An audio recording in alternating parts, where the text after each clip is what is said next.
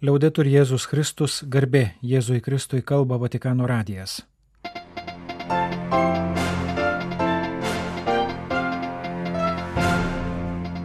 Malonus klausytojai šioje programoje.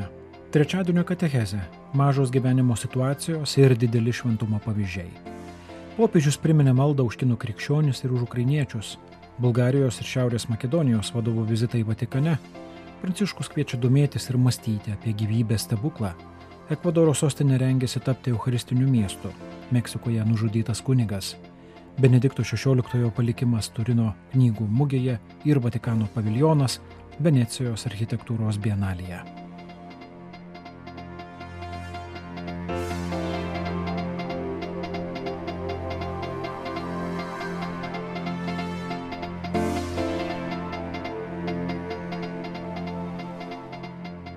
Trečiadienio bendrosios audiencijos dalyviams skaitytoje katechezėje apie paštališko uolumo pavyzdžius popiežius priminė pirmąjį korejietį kunigą kankinį šventąjį Andriejų Kimą Tegoną.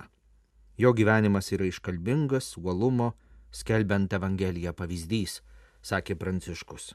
Circa 200 anni fa la terra coreana fu teatro di una persecuzione severissima. Prieš du šimtmečius Korejoje vyko labai žiaurūs krikščionių persekiojimai. Tikėti Jėzų Kristų tuo metu Korejoje reiškia būti pasirengusiam paukoti gyvybę. Nors krikščionims netrūko drąsos, tačiau jie turėjo imtis ir tam tikrų atsargumo priemonių, kad galėtų vykdyti savo misiją - skelbti Kristų ir didinti jo mokinių bendruomenę. Visų pirma, reikėjo pasirūpinti, kad susitikimai su nepažįstamais žmonėmis nesibaigtų suėmimu. Dėl to krikščionys turėdavo iš anksto suderintus atpažinimo ženklus. Užmėgsdamas pokalbį su asmeniškai nepažįstamu žmogumi, Andriejus Kimas pusbalsių paklausdavo, ar esi Jėzaus mokinys. Pasak Pranciškaus, čia ir glūdi krikščioniškosios tapatybės esmė. Krikščionis tai tas, kuris yra Jėzaus mokinys. In effetti essere discepolo del Signore significa seguirlo, seguire la sua strada. Iš tiesų kalbėjo popiežius, būti viešpaties mokiniu reiškia sekti paskui jį, eiti jo keliu, visą gyvenimą atiduoti dėl Evangelijos. Krikščionis iš prigimties yra misionierius ir liudytojas. Kai žmogus stengiasi gyventi pagal Evangeliją, jis neužsisklendžia savyje, bet liudija tikėjimą net jei supantis kontekstas nėra palankus, apaštališkuoju uolumu degantis krikščionis nesitraukia atgal. Tokio uolumo pavyzdį mums davė šventasis Andrėjus Kimas ir kiti Korejos tikintieji. Jie įrodė, kad persekiojimų sąlygomis duotas Evangelijos liudijimas subrandina daug tikėjimo vaisių. Šventasis Andriejus ir kiti Korejos kankiniai moko, kad net ir labiausiai sudėtingose situacijose, kai atrodo, kad nėra vietos Evangelijos žiniai, mes neturime pasiduoti. E non dobbiamo rinunciare a portare avanti ciò che è essenziale nella nostra vita cristiana, cioè l'evangelizzazione. Ir negalime atsisakyti to, kas mūsų krikščioniškame gyvenime yra svarbiausia - skelbti ir liudyti. Tai yra mūsų kelias. Popiežius sakė, kad žinoma, kiekvienam iš mūsų gali kilti klausimas, kaipgi aš galiu evangelizuoti. Atsakymas - žvelgti į didžiuosius misionierius ir sekti jų pavyzdžių savo mažosiuose gyvenimo situacijose - šeimoje, su draugais kalbėti apie Jėzų. Kalbėti apie Jėzų ir evangelizuoti džiaugsmo kupina širdimi. Tai daryti mus skatina šventoji dvasia. Prepariamoci a ricevere lo Spirito Santo nel prossimo Pentecoste e chiediamole quella grazia. Pasirenkime priimti šventąją dvasę per artėjančias sekmines ir prašykime ją tos malonės, apaštališkosios drąsos malonės, malonės evangelizuoti, visada skelbti Jėzaus žinę. Portare avanti sempre il messaggio di Gesù. Grazie. Trečiadienio bendrosios audiencijos pabaigoje popiežius priminė, kad šią dieną, gegužės 24-ąją, kai bažnyčia liturgijoje mini švenčiausiąją mergelę Mariją krikščionių pagalbą, kasmet minima ir pasaulinė maldos už katalikų bažnyčią Kinijoje diena. Šią dieną Kinijos katalikai pagerbė Dievo motiną Šanhajaus Šešano šventovėje, dedikuotoje Marijai krikščionių pagalbai. In questa circostanza desidero assicurare il ricordo ed esprimere la vicinanza ai nostri fratelli e sorelle in Cina. Šią progą noriu užtikrinti, sakė Pranciškus, kad atsimenu mūsų brolius ir seseris Kinijoje, esu jiems artimas, trokštų su jais dalytis džiaugsmais ir viltimis. Ypatingai atsimenu kenčiančius ganytojus ir tikinčiuosius, melsdamas, kad visuotinės bažnyčios bendrystė ir solidarumas teiktų jiems paguodą ir padrasinimą. Visų prašau melstį Dievą, kad geroji naujiena apie nukryžiuotą ir prisikėlusi Kristų būtų skelbiama su visa savo pilnatve, grožiu ir laisve, duodama vaisių katalikų bažnyčios ir visos Kinijos visuomenės labui. Galiausiai prieš baigiamą į palaiminimą popiežius taip pat pakartojo prašymą melstis už kenčiančią Ukrainą.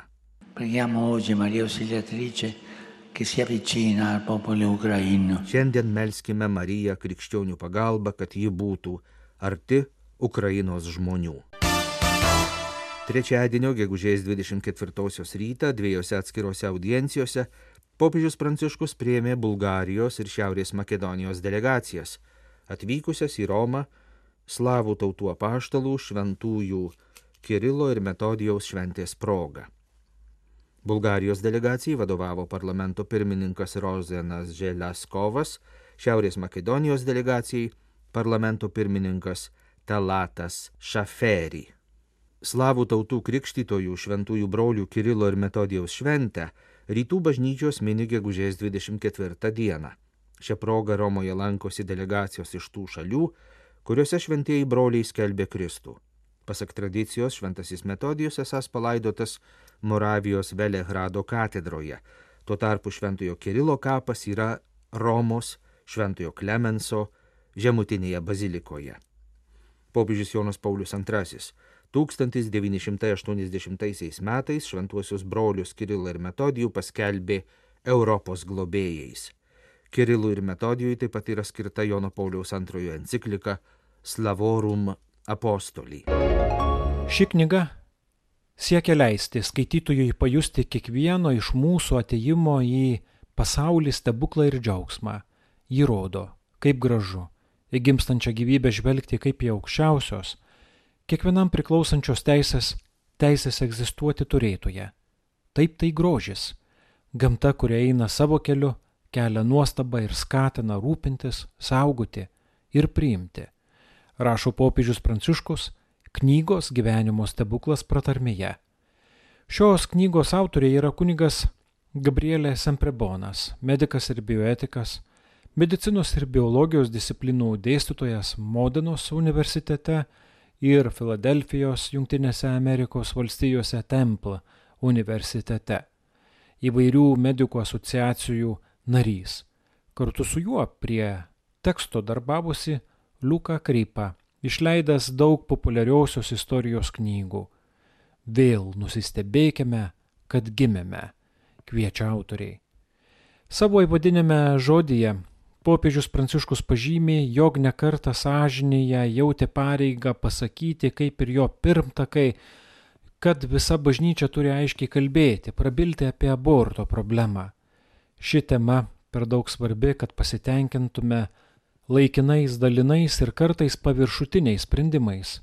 Juk kalbame apie gyvenimą, apie gyvybę, kuri yra brangiausias mūsų gėris, gautas kaip dovana kviesdamas nelaikyti savaime suprantamu dalyku embriono teisų trūkumą, kai priimamas sprendimas nutraukti neštumą, jis nieko negali lemti, Pranciškus pabrėžia, kad yra pavartojęs griežtus žodžius, sukėlusius nuostabą ir nejaukumą. Pasak popiežiaus jis kalbėjo apie didelę žaizdos moteriai kainą ir klausė, ar teisinga nužudyti gyvybę, kad išspręstume savo problemą bet taip pat pabrėžė, kad tai tema, kuri reikalauja iš kiekvieno žmogaus didelės kompetencijos ir didelio nuseklumo. nes yra susidūriama su kančia ir pasimetimu, kurie taip pat dažnai lydimi nesupratimo. O ypač ir tai yra knygos tema.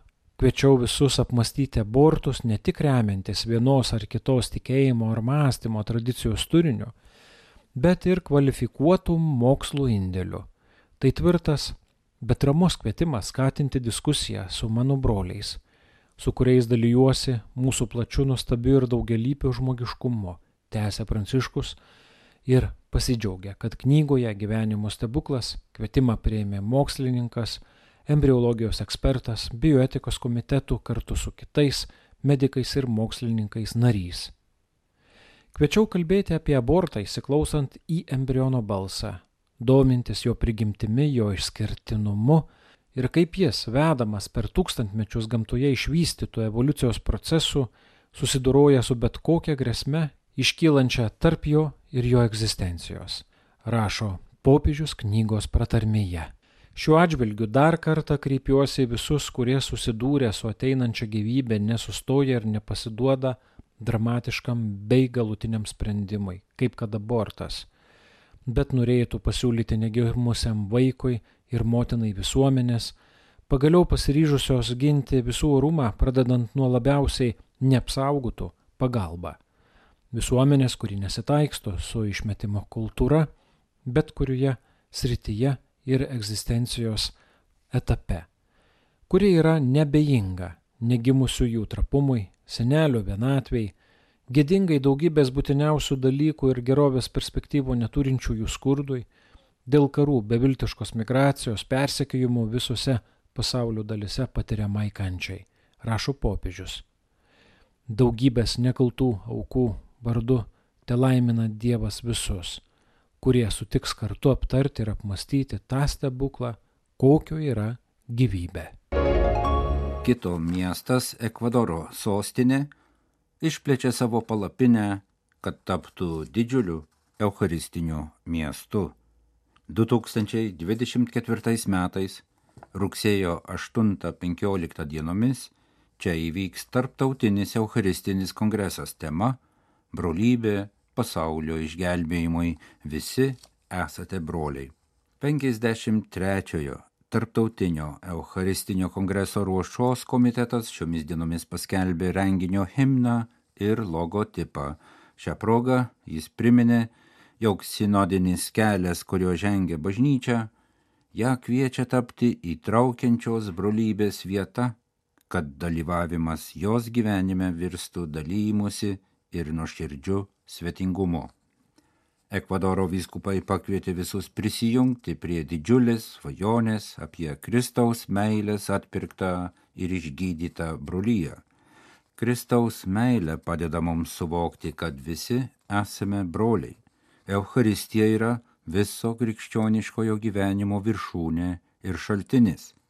Eucharistijos šviesa suteikia naują kryptį žmonijos istorijai. Dievas kviečia visus klausytis gyvenimo žodžio ir maitintis iš dangaus nužengusią gyvąją duoną. Eucharistija ir jos šventimas tai kvietimas visiems susėsti prie vieno stalo, kaip to paties tėvo vaikai. Apie tarptautinio Eucharistinio kongreso ruošos darbus, himną ir logotipą išsameu informuoja šiam renginiui skirtos interneto svetainės. Morelijos arkiviskupija Meksikoje pranešė, kad gegužės 22-ąją nužudytas jos kuningas Javier Garcia Villafana, kuris tik prieš keletą savaičių atvyko dirbti jam paskirtą naują parapiją Kapačio vietovėje. Pasak pirminių žinių, 60-metis kunigas buvo nužudytas ginkluoto užpolimo metu autostradoje pakeliu į kitą parapiją, kur turėjo aukoti mišes. Morelijos arkiviskupija ir Meksikos viskupų konferencija paskelbė komunikatus, kuriuose išreiškė užuojautą dėl kunigo mirties ir kreipėsi į teisėjai saugą, prašydamos greito faktų ištyrimo, nusikaltėlių suradimo ir nubaudimo. Benediktas XVI labai samoningai rengėsi galutiniam susitikimui su viešpačiu. Jis žinojo, kad šio gyvenimo pabaiga yra didžiulis tikėjimo slėpinys, bet kartu jis visiškai pasitikėjo viešpačiu. Taip apie paskutinę praėjusių metų dieną mirusį popiežių emeritą per vieną Turino knygų mugės susitikimą kalbėjo tėvas Federico Lombardi.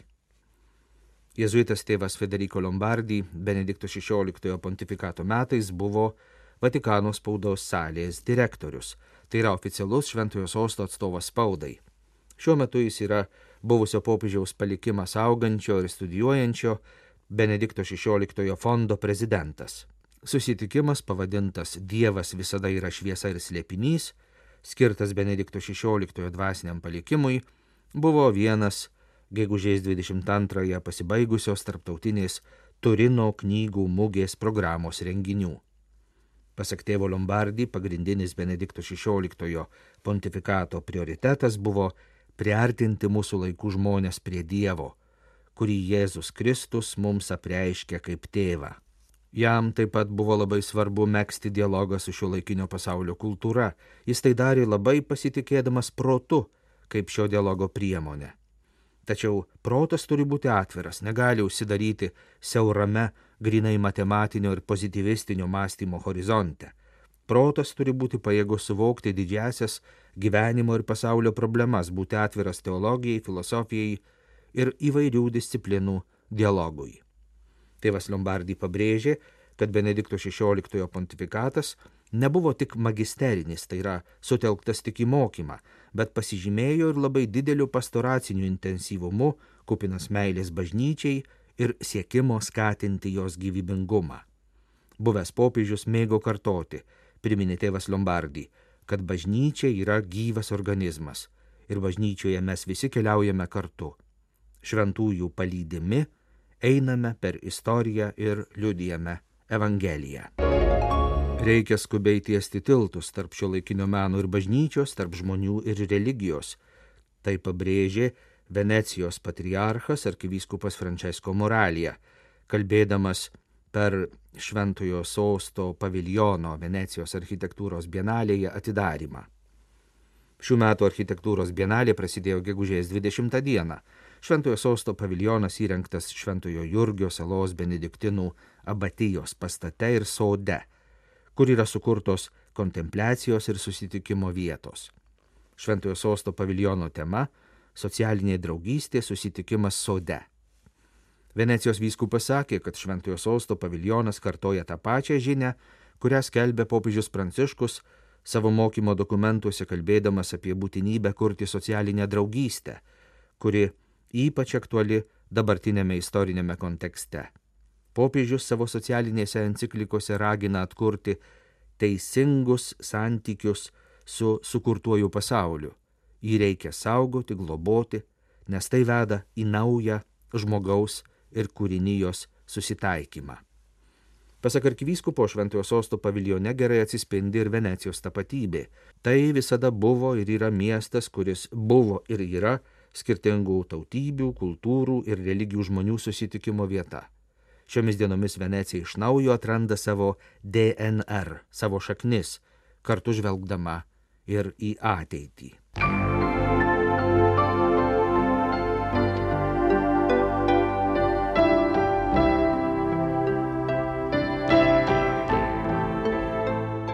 Malonus klausytojai laidą lietuvių kalba baigiame. Kalba Vatikano radijas. Garbė Jėzui Kristui, liaudai turi Jėzus Kristus.